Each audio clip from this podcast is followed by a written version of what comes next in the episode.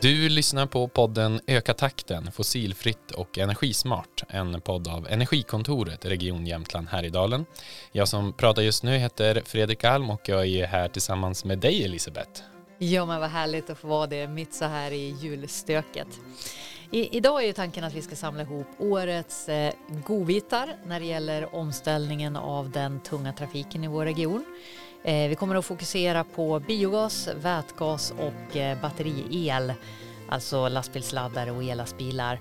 Men vi kommer förstås inte att göra det själva utan har med oss tre gäster som har slitit sig från knäckkokandet. Mm, jag tycker innan vi bjuder in dem Elisabeth så tänkte jag bara skulle eh, lyfta en eh, nyhet som kom in eh, förra veckan. Eh, du nämnde ju att vi skulle prata biogas, vätgas och batteriel men vi har ju andra förnybara drivmedel också. Eh, och då kom det ett besked från EU om att Sverige har fått eh, fortsatt beviljad skattebefrielse på höginblandade biodrivmedel. Och det, då pratar vi E85, diesel gjord på raps, så kallad RME och också HVO. Och det är ju väldigt bra nyheter för eh, många åkerier och många branscher att, som, som kör på de bränslena idag så kan de fortsätta hålla, hålla nere kostnaden lite grann. Och det var till 2026 om jag inte minns helt fel. Eh, men jag tänker nog prata om det. Nu bjuder vi in våra gäster. Absolut. Och då ska vi börja med en eh, man som har cyklat hit. Eh, inte hela vägen från Sundsvall där du bor men eh, i alla fall slutsträckan här. Det är Torbjörn Stark som är vd för eh, länets nystartade biogasbolag. Välkommen. Tack så mycket. Hörru du, det har ju hänt jättemycket på ert område. Eh, till 2025 så är det som så att eh, er anläggning ska vara klar och då ska ni producera flytande biogas av eh, Jämtlands läns matavfall. Eh, hur, hur liksom är känslan just nu? Var, var står ni? Vad är på gång? Känslan är väldigt bra måste jag säga och om jag får komplettera där så är det ju inte bara matavfallet vi pratar om utan även gödsel från lantbruken, vi pratar slakteriavfall, livsmedel från ej, ej sålda livsmedel och mejeriavfall. Så att det är väldigt mycket förutom matavfallet som vi kommer att förädla till biogas. Okej, det här var nyheter för mig. För, förändras liksom produktionsvolymen någonting då? Eller vad pratar vi om för gigawattimmar? Eh, 31 gigawatt ligger det i kalkylen just nu och totalt har vi hand om 60 000 ton eh, substrat som då ska in i anläggningen och producera den här gasen. Och som svar på frågan hur det känns så känns det som jag sa väldigt bra. Eh, vi ligger eh, det, det, är ju inte bara det här året det har hänt utan det väldigt mycket har hänt de tre tidigare åren när Östersunds kommun har drivit det här projektet och gjort ett fantastiskt jobb som gör att vi har kommit så långt som vi är. Eh, miljötillståndsansökan inlämnad i våras. Eh, vi har eh, begärt förhandsbesked om bygglov. Eh, vi, vi, jobbar med avsiktsförklaringar med substratleverantörer som sedan då ska omsättas i i avtal inför styrelsens slutliga beslut som förhoppningsvis sker till sommaren. Och just nu så håller vi på med upphandling utav eh, den största delen, själva processdelen. Ja men vad härligt. Eh, jag tror att många som, som lyssnar på den här podden, de är väldigt intresserade av tunga transporter. Katarina Nyberg Finn som sitter i er styrelse har ju mm. varit här och, och, varit med i, i, en av våra poddar och då har man bland annat pratat om att det är sån härligt lång räckvidd om man kör på flytande biogas. De som hoppas nu att eh, det ska bli nya tankställen i Jämtlands län, hoppas de för mycket eller hur, hur tänker ni runt det här? Jag hoppas att de hoppas eh, lagom mycket Eh, det är vår förhoppning också att det ska bli fler tankställen i hela länet, absolut. Eh, dock är det ingenting som vi direkt jobbar med och har uppdrag att göra utan vi, vi hoppas och tror att det kommer att lösa sig med eh, de aktörerna som blir så att säga involverade i dit vi säljer gasen. Har ni några liksom, direkta partners just eh, nu som, liksom har, som, som är intresserade av, av gasen? Absolut, vi har ju en avsiktsförklaring tecknad med Reaxger. Mm. Eh, sammanslutning av 250 åkare i länet som är väldigt intresserade av att köpa den här gasen och mycket mer dessutom. Så att eh, det, det, finns eh, goda förhoppningar om att vi ska komma i mål där, absolut. Om man eh, tänker, det, det, här var ju en ganska stor nyhet som var ute i media mycket också. Eh, och det är väldigt glädjande att eh, liksom, det, det, finns folk som är intresserade av, av att köpa biogasen. Eh, om du liksom tittar framåt Torbjörn, vad, vad är det viktigaste att få på plats eh, under 2023? Alltså, vi, på senaste styrelsemötet som vi hade så pratade vi om att vi har ett pussel framför oss eh, där vi har miljötillståndet som en del, vi har upphandlingen som en del, vi har byggloven som en annan del och så finns det några andra delar och jag kan inte rangordna dem utan hela pusslet måste läggas innan biogasanläggningen finns på plats. Mm. Det går inte att rycka ut en del, då kan allting måste finnas på plats så att säga. Du sa här att Reaxer har räckt upp handen och sagt att vi vill köpa exakt all biogas ni producerar och mer därtill. Innebär det att det är Reaxer som kommer att få bestämma om de nu går hela vägen fram och gör ett, ett bindande avtal här? Är det de som då får bestämma var det blir tankställen i Jämtlands län? Alltså jag kan inte uttala mig om det idag, det kan jag inte göra, men eh, som Reaxer säger att de har ju 250 åkare i hela länet och då räcker det inte med att ha tankställen i Östersund utan det måste till, finnas till fler tankställen.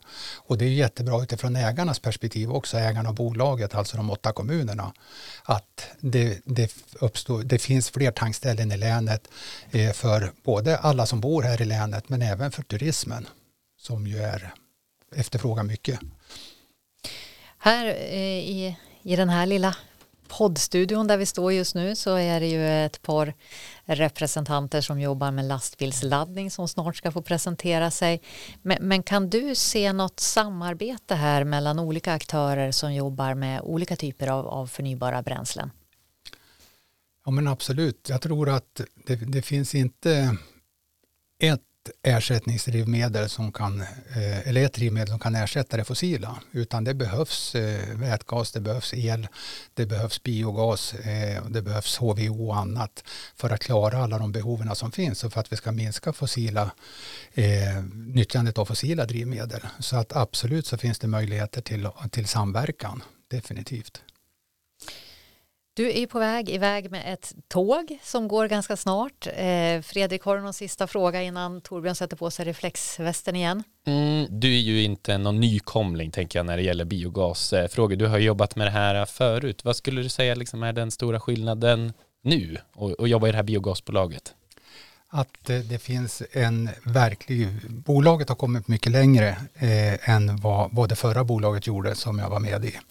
Eh, och det finns den här viljan om att ta hand om all substrat eh, som finns i länet, förädla den i länet och använda den i länet. Eh, och det, det, känns som en enorm drivkraft som jag hör ifrån både ägarnas sida, från den kommunala världen, jag hör det från näringslivet och ifrån lantbruken. Mm. Så att eh, det, det känns, eh, det, det är den stora skillnaden ska jag säga. Och den känns väldigt, väldigt bra. Det låter som ett väldigt härligt driv och engagemang i frågan och det tycker jag vi märker annars också Elisabeth, alltså just att biogasfrågan är het. Ja men den är det, den blir allt hetare, omställningsfrågorna blir allt hetare. Men nu säger vi tack till Torbjörn, skickar iväg dig med tåget och så ska vi ta och eh, ringa upp en person som vet en hel del om eh, vätgas. Ja men precis, då, då ringer vi upp eh, Peter Eno, han är ju utvecklingschef och vice vd för Inlandsbanan för att snacka lite vätgas.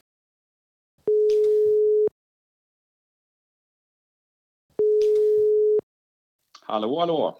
Eh, ni har ju ett eh, intresse av att både köra era egna tåg på vätgas i framtiden, det har ni pratat om, men också bli en pipeline för vätgasleveranser både norrut och söderut. Och du leder ju även den här arbetsgruppen för vätgas i Jämtland och Västernorrland. Eh, det bubblar ju verkligen av initiativ på, på flera håll, men kanske allra mest i Ånge. Har du någon, eh, några allra nya eh, liksom, nyheter där kring Ånge? Ja, det har jag väl. Eh, alltså, jag kan ju bara instämma i det du säger att det är mycket på gång. Eh, Ånge är väl det som är närmst och eh, störst händelse eh, här runt omkring oss eh, just nu när det gäller vätgas. Eh, så det är ju väldigt positivt och att de redan är igång och håller plan vad jag förstår att komma igång med sin produktion redan 2024 och Eh, sen i större skala 26, 2026, 2027. Och det där är ju så himla viktigt att de tar det där steget från, eh, från en, en pilotanläggning till en, en storskalig anläggning i närtid. För det, det är precis det vi det är precis det vi vill se och eh, som är så viktigt för att vätgasen ska komma här och nu, att vi får upp volymerna på, på själva produktionen av bränslet. Så att det är ju väldigt uppskattat och väldigt viktigt för oss i regionen här att, eh, att de går före helt enkelt. Annars Peter, när du tittar tillbaka på 2022, vad, vad tycker du är det viktigaste som har hänt för på, på vätgasområdet för regionens räkning och då tänker jag både Jämtlands län och, och Västernorrlands län?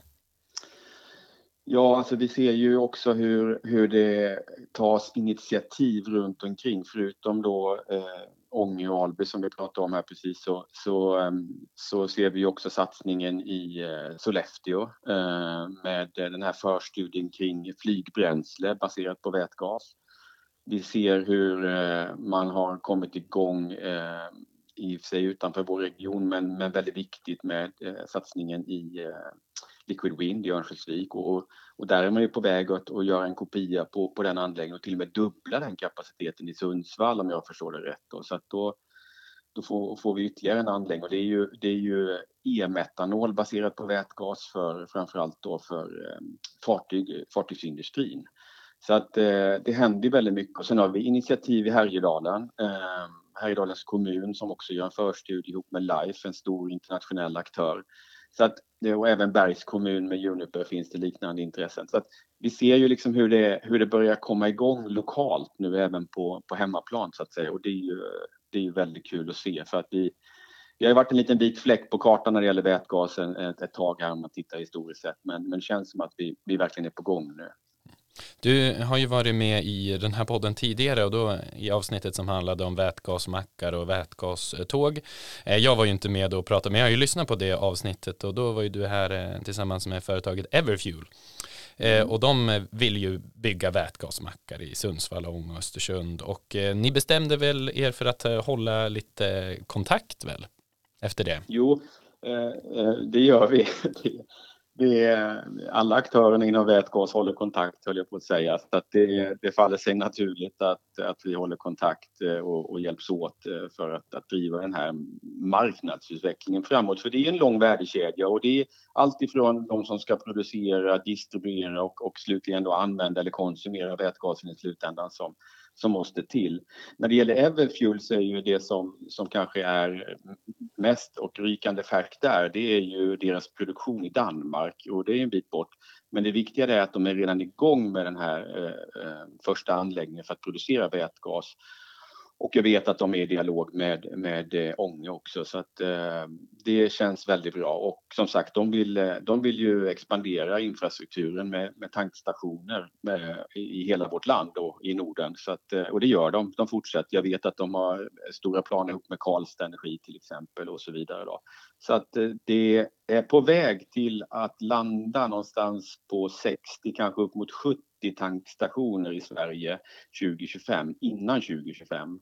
Och då inkluderar jag de här elektrifieringspiloterna där som, som, eh, som Everfuel har också eh, gått igång på här nu. Då. Så att eh, med en sån volym av tankstationer i vårt land, då har vi en grundinfrastruktur och det är fler aktörer än Everfuel givetvis som ser till att det här händer. Men det är så himla viktigt att vi får den här grundinfrastrukturen så att åkerier och andra kan liksom börja se att det, det finns en, en, infrastruktur för, för vätgas och lite längre transporter. Mm, och där, eh, Peter, visst är det väl så att eh, de har ju fått elektrifieringspilot för att bygga i Sundsvall, men eh, det är väl saker på gång lite närmare än så, va? Ja, Sundsvall är det närmsta. Sen vet jag att de, de är ju eh, väldigt intresserade av att, att uh, sätta ner uh, även pålarna i, i Östersund. Um, och det skulle vara väldigt logiskt på något sätt med tanke på, på mittstråket och uh, att det är på gång. Eh, det finns ju produktion och, och tankstation i Trondheim men även Meråker på andra sidan fjället här, de eh, är ju på gång med, med produktion av vätgas. Så att det skulle vara väldigt logiskt om vi fick till en, en station i Östersund. Så att jag hoppas att det står på näst på tur så att säga för någon av de här som bygger tankstationer nu då. Mm. Så det vore välkommet. Då har vi skvallrat lite om Everfuel, men om vi går till, mm. till Inlandsbanan som ju faktiskt är där du eh, jobbar ja. och är, är vice vd och utvecklingsansvarig. Vad är det viktigaste som, som har hänt på, på er horisont under det här året? Ja, ja men vi krokar ju arm med de som vill och är intresserade av att, att producera vätgas ut med Inlandsbanan och inlandskommunerna. Då. Och vad vi erbjuder där det är ju för det första så har vi ju själva behov av vätgas för att kunna tanka lok framöver för det är så vi, vi tänker elektrifiera Inlandsbanan. Eh, men vi är också väldigt intresserade av att, att, hjälpa till med att distribuera vätgasen från de här produktionssajterna. Så att även där jobbar vi med olika projekt för att se hur ska det där gå till på bästa och mest fördelaktiga sättet att, att förflytta den här energin så att säga från, från produktion vid vindparker eller vattenkraft eller vad det kan vara där man så att säga har bäst förutsättningar att, att tillverka den här vätgasen till, till rimlig kostnad. Så att det jobbar vi på och eh, så vi är ju i dialog med, eh, vi har ju själva en operatör, Inlandståget, men vi jobbar ju med alla operatörer som intresserar sig för det här att konvertera helt enkelt lok till vätgasdrift och det, det kan ju antingen ske med att man använder vätgasen i förbränningsmotorn eller att man, man gör om och byter förbränningsmotorn till en, en bränslecell som, som helt enkelt genererar den här elen då. Nej, så tror... det jobbar vi med och det, det, det är inte bara vi som jobbar med det kan jag säga för hälften av all järnväg i Europa är inte elektrifierad. Så det här är en jättemarknad som, som är på väg in att, att konvertera till vätgas. Det är otroligt eh, spännande. När, eh, om du eh, har kvar fokuset på inlandsbanan då, när, när tror du att ni har vätgaståg som rullar? Ja, alltså sådana här konverteringsprojekt som vi, vi jobbar med nu då och förbereder för att liksom genomföra då det tror jag ligger inom en tvåårsperiod framåt eh, från att vi drar igång det fullt ut nu då. Så att eh, det är min och vår plan liksom att eh, i, i, runt en tvåårsperiod, kanske två till tre år skulle jag vilja säga. Det är vad vi behöver få oss för att komma igång med eh, vätgasdrift och i pilotskala då för att demonstrera och visa att det här är framtiden och att, att det är det vi ska skala upp på, på en upprustad bana i framtiden. Mm. Eller otroligt eh, spännande framtid eh, tycker jag om, om, om det blir så, eller man kanske mer ska säga när det blir så, hoppas jag. Det är min fulla övertygelse, ja. ja. Eh, om du tittar på liksom vätgasfrågan i Jämtland och här idag, du är ju ändå med och driver den här eh, arbetsgruppen för att liksom det ska ta mm. ännu mer fart. Vad, vad tror du behövs? Ja, om vi tittar i, i Jämtland Härjedalen så som jag sa då så, så har vi ju, tycker jag, börjat komma ikapp övriga regioner runt omkring oss nu när det gäller initiativ för vätgas och, och aktörer som, som eh, driver projekt. Så att vi ser ju de här initiativen nu, men jag tror ju återigen att, att få igång en produktion i eh, Jämtland Härjedalen är väldigt viktigt. Eh, Västernorrland är på gång som sagt. Då. Men eh, kan Härjedalens kommun eller någon annan eh, aktör komma igång med en produktion så skulle det vara tror jag, det som behövs för att sätta fart liksom på, på den infrastrukturen som vi behöver kring vätgas. Så det vore väldigt välkommet. Eh, och det, det är också lite anledning till att vi bildar den här arbetsgruppen. Vi behöver som jag sa samverka.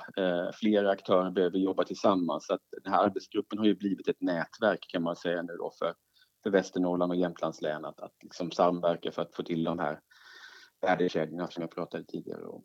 Mm. Eh, och det är viktigt. Så att det, där är vi på god väg. Vi har haft två, två träffar nu och kommer ha två träffar till efter nyår här plus en, en, en träff kring eh, där vi tittar på, på tyngre trafik och ett webbinarium Ja, vi, vi, kanske ska säga det, eh, att det är inte alla som vet om vad det här är, men vi har alltså en arbetsgrupp för vätgas inom transportsektorn. Du leder den arbetsgruppen. Vi gör det som ett samarbete förnybart i tanken och fossilfri konkurrenskraft.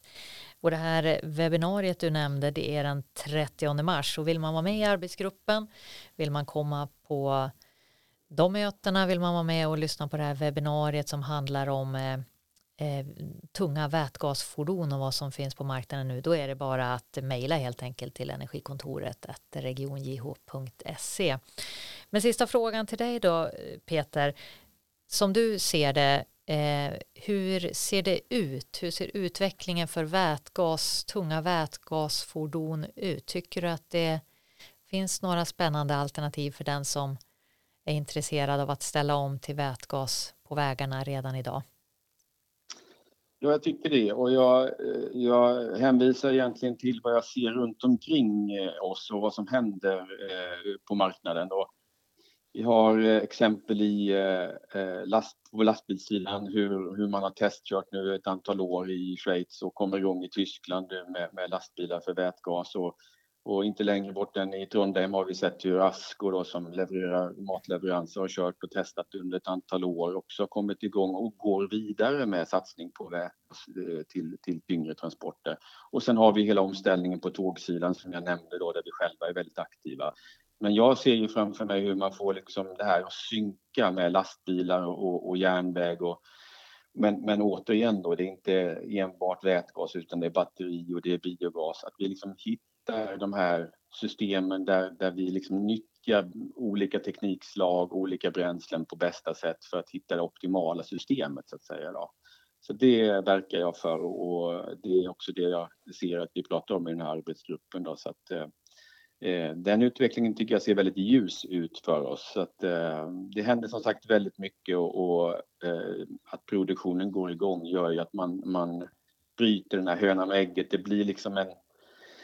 Man kommer in i, i, liksom i, i att få, få, få loss vätgasen och få den liksom på marknaden för att, att då kan också åkerier och, och utvecklare av fordon liksom agera på det. Så att det har varit ett lite moment 22 tidigare som, som, som känns som att det håller på att brytas loss nu eh, med det som hänt under det här året och det, det kommer fortsätta under nästa år, det är jag helt övertygad om. Ja men grymt, tack så mycket Peter Eno från Inlandsbanan och du sa ju det här med, med batterier och det passar ju alldeles utmärkt för att eh, säga hej och välkommen till eh, Rasmus Linde från eh, Lirteknik.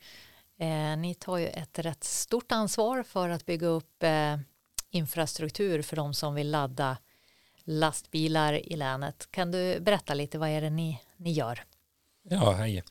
Jag vi försöker bygga grunden till infrastrukturen på tunga fordon för att möjliggöra körning med dem, både laddmässigt runt om i länet och även verkstadsmässigt för eftermarknaden är det viktigaste för att det ska gå att använda i längden. När, eh, berätta lite mer konkret, var, var blir det lastbilsladdare när om ni får, får era drömmar uppfyllda? I Brunflo kommer vi att börja. Där har vi, det är vår huvudanläggning där vi även kommer att ha verkstadsbiten för laddstation och ellastbilar. Där blir det den första anläggningen som kommer att vara i drift i början av sommaren. Sen kommer det att vara en anläggning i eh, Lundvik tillsammans med Lundstams. Likaså i Järpen tillsammans med Lundstams. Vi kommer att etablera en laddstation i Stugun som kommer också vara i drift troligen i slutet av sommaren och uppe i Lidsjöberg som också ska vara i slutet på sommaren. Lidsjöberg säger du. Det är en väldigt spännande ort. Jag har ju jobbat med att försöka få till liksom eh, personbilsladdare på, i Lidsjöberg eller i, i Gubbhögen och det är ju upp mot eh, Gäddede för de som inte vet exakt vart det ligger. Var, varför är Lidsjöberg liksom en intressant plats för er? Eh, det är ett område som är, det är en lång distans för att ta sig mellan olika orter och då är det viktigt att ha även laddmöjligheter längs vägen mellan orterna. Och Lidsjöberg är ju som du säger, går ju upp till, förbi Gubbhögen och upp till Gäddede. Där går det många transporter. Även många personbilar kör också där mellan Norge och Sverige. Så det, vi har väl sett ett område som är svårt att etablera laddstation och få det lönsamt i. Nu har vi fått stöd för att kunna göra det.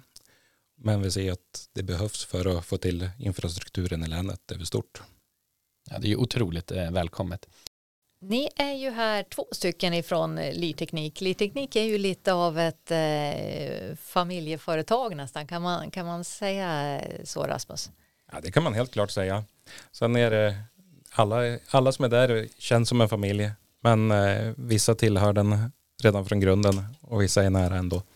Ja, men då tänker jag att vi, vi eh, skickar fram din bror Hampus, för, för eh, det sägs att det är han som är den stora experten på DAF-lastbilar som ni säljer också. Kan det stämma? Precis, nu har vi sålt eh, DAF-lastbilar ett par år och eh, ja, de har ju fungerat bra men det är inte förrän nu när infrastrukturen kommer på plats som vi får börja sälja elvarianterna. Och där har de precis släppt en ny generation också. Du, vad är det, är det DAF alltså som ställer krav på att det ska finnas visst många lastbilsladdare för att ni ska få sälja deras grejer? Precis, de anser att eh, det ska finnas goda förutsättningar och det är inte alla åkerier som har rätt förutsättningar och de vill ju gärna se att fordonen används så mycket som möjligt. DAF, det är ju en Många i branschen vet ju förstås eh, ut och in vad, vad, vad det är för lastbilar men eh, eh, en hel del kanske inte vet. Du sa att eh, det kom ett, ett spännande släpp här av ellastbil under hösten. Vad kan du berätta? Vad finns det för DAF-modeller för el att köpa för den som är intresserad nu? Just nu finns det två och treaxliga från 12 till 29 ton beroende på hur man tolkar reglerna. Ehm, upp till 50 ton totalvikt också. Så att en eh, ganska stor del av eh, fordonen går ju att elektrifiera och nu har de elektri elektriska lastbilarna fått så pass stora batterier så att nu kan man ta sig rätt långt gentemot tidigare generationer. Hur långt då? Allt handlar ju om förbrukningen men eh, de eh, transporter som drar mindre ström kan på lastbil dra strax under 10 kilowatt per mil. Mm. Och eh, då med de här 50 eller 500-600 kilowattimmarna som sitter i många ja, av de här senaste lastbilarna då man, kan man ju ta sig över 50 mil. Vad, vad ser ni liksom er, kommer kanske bli er största kundgrupp med de här typerna av lastbilar? Vilka vänder ni åt? Det är två olika kundkretsar. Den ena kundkretsen kan ju vara um, kort anläggningskörning um, eller medellång men in, inte de längsta transporterna och inte de tyngsta transporterna för de faller ju bort och kanske hamnar på biogasen eller vätgasfordon eh, eller det, det återstår att se. Och den andra typen av transporter är väl just det här pallgods, eh, både på längre och kortare sträckor. Just det. De fordon som är köpt hittills eh, i länet är ju för kortare sträckor medan de fordon som kommer komma på marknaden tillåter ju längre och längre transporter. Ni nämnde ju lite grann med de här laddarna som ni ändå, ja, eh, de kommer komma upp på olika orter. Känner ni liksom att eh, då är ni klara så att det räcker för att ni ska kunna erbjuda eh, en, en god laddning eller ser ni några fler platser som det borde finnas laddning på? Det är ju egentligen bara en grund och så sen så måste byggas vidare på. Ju mer snabbladdare som kommer upp ju större säkerhet finns ju för de som köper de här ellastbilarna. En större möjlighet till att använda fordonen så pass mycket som man kanske bör. Använda dem lite mer än bara ett skift. Och eh, tillåta en annan typ av eh, rutt. Mm. Och där, vi har ju ansökt om klimatklivet också på fler orter. Just det, men där väntar ni fortfarande besked på, på hur det blir. Precis. Ja. Så vi väntar med spänning. Vi får väl kanske vänta efter nyåret och se, se exakt vilka platser det blir. Ja, men jag misstänker det. Men visst är det väl en handfull någonstans platser ni har sökt på ytterligare? Ja, vi har sökt för eh, fyra platser till och eh, där både med och utan partners.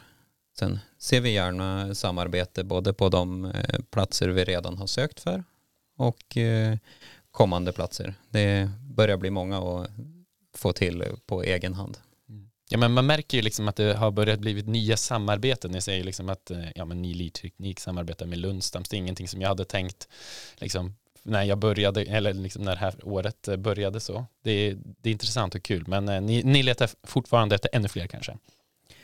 Precis, det är ju en nytta av att göra ett nätverk och att samarbeta i den här omställningen. Det, vi, vi ska inte arbeta mot varandra utan vi ska ju försöka möjliggöra en så snabb om, och smärtfri omställning som möjligt. Mm. Det tycker jag är väldigt bra att ha med sig. Eh, du nämnde ju förut också lite grann om, om biogas och vätgas och du nämner det här att vi ska liksom arbeta med varandra. Ser ni någon vinning liksom att ha flera bränslen på, på samma ställen om man ändå bygger för lastbilsladdning, och man har ytan? Bör man ha vätgas och biogas tankstationer på samma ställen? Elladdarna kräver ju en infrastruktur dels från elnätet medan vätgasen kanske man istället måste tänka hur den ska fraktas eller om den ska produceras på respektive ort. Eh, det är ju spännande samarbeten och spännande företag att samarbeta med. Men för våran del så är det mer samarbetet med företagen som är den viktiga delen, inte just kanske att ha varje drivmedel på varje plats. Jag tycker jag har hört eh, någon av er, Rasmus eller Hampus, prata om det här med konvertering av eh, diesellastbilar. Eh, hur ser era planer ut när det gäller sånt? Vi jobbar på lösningar och vi designar verkstaden för att mm, kunna, eller vi har ritat att kunna ta emot den typen av fordon. Eh, vi vill och ser möjligheter till att eh, ställa om snabbare om vi skulle kunna lyckas med de här konverteringarna. Eh, alla tillstånd och den biten är inte riktigt klar men helt klart finns det vätgas på orten så hade det ju varit fördelaktigt om vi kan vätgaskonvertera för de fordonstillverkare som finns har ju ingen, inga produkter ute på marknaden i dagsläget. Och kanske finns lite pengar att tjäna också på att vara snabb och in på den här nya banan. Ja, det är ju en kostsam investering det här men absolut så eh, finns det ju möjlighet för de företag som ställer om tidigt och bygger kunskap. Ni gör ju en jättesatsning nu, massor av laddare, massor säger jag, men jag tycker att det känns som massor. Mm.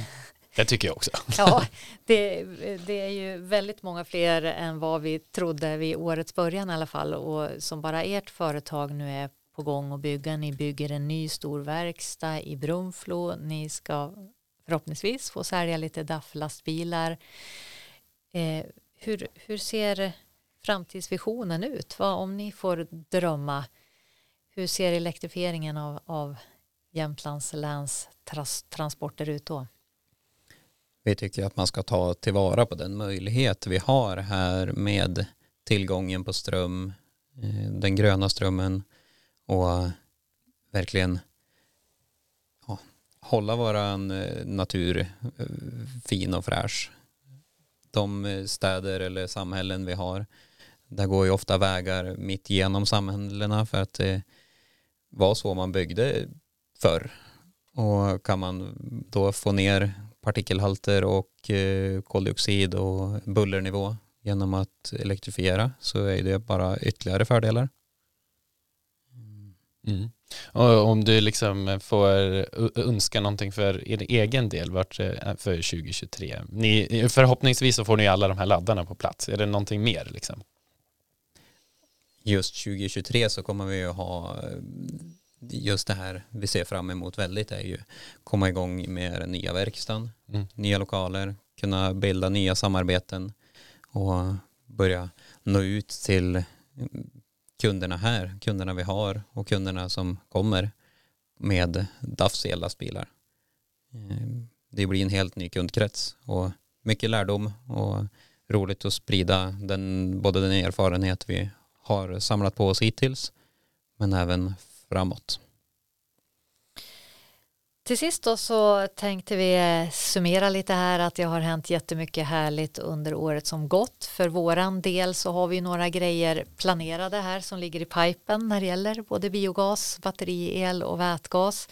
Eh, när det gäller biogas så kommer vi att ha ett eh, spännande webbinarium den 26 januari. Då är bland andra Torbjörn Stark med och eh, är en av talarna där. Sen som vi nämnde tidigare, vi har ett webbinarium om tunga vätgasfordon på gång den 30 mars och sen så hoppas vi ju Hampus och Rasmus att vi snart får komma på lite invigningar av nya publika, de första publika lastbilsladdarna här i länet. Är det så att ni vill komma i kontakt med oss som har varit med här i podden så går det alldeles utmärkt att göra det via att eh, mejla till energikontoret att regionjh.se. Så tack så mycket Rasmus och eh, Hampus för att eh, ni var med. Eh, och eh, jag tänker att eh, hoppas ni får lite ledigt i alla fall över jul och nyår. Tack så mycket. God jul. Det här eh, avsnittet har finansierats av Europeiska regionala utvecklingsfonden, Region Jäm Jämtland Härjedalen, Länsstyrelsen Västernorrland, Biofuel eh, Region och eh, Region Västernorrland. Ja men och med det så vill vi ju förstås önska ännu fler en riktigt god jul. Mm, tack till alla som har varit med här i podden och alla som vi har samarbetat med under året. Hoppas ni allihopa får en riktigt god jul. Eh, sen så är det ju som så att vi blickar ju alltid framåt i den här podden. Då närmar sig ju ett eh, nytt år.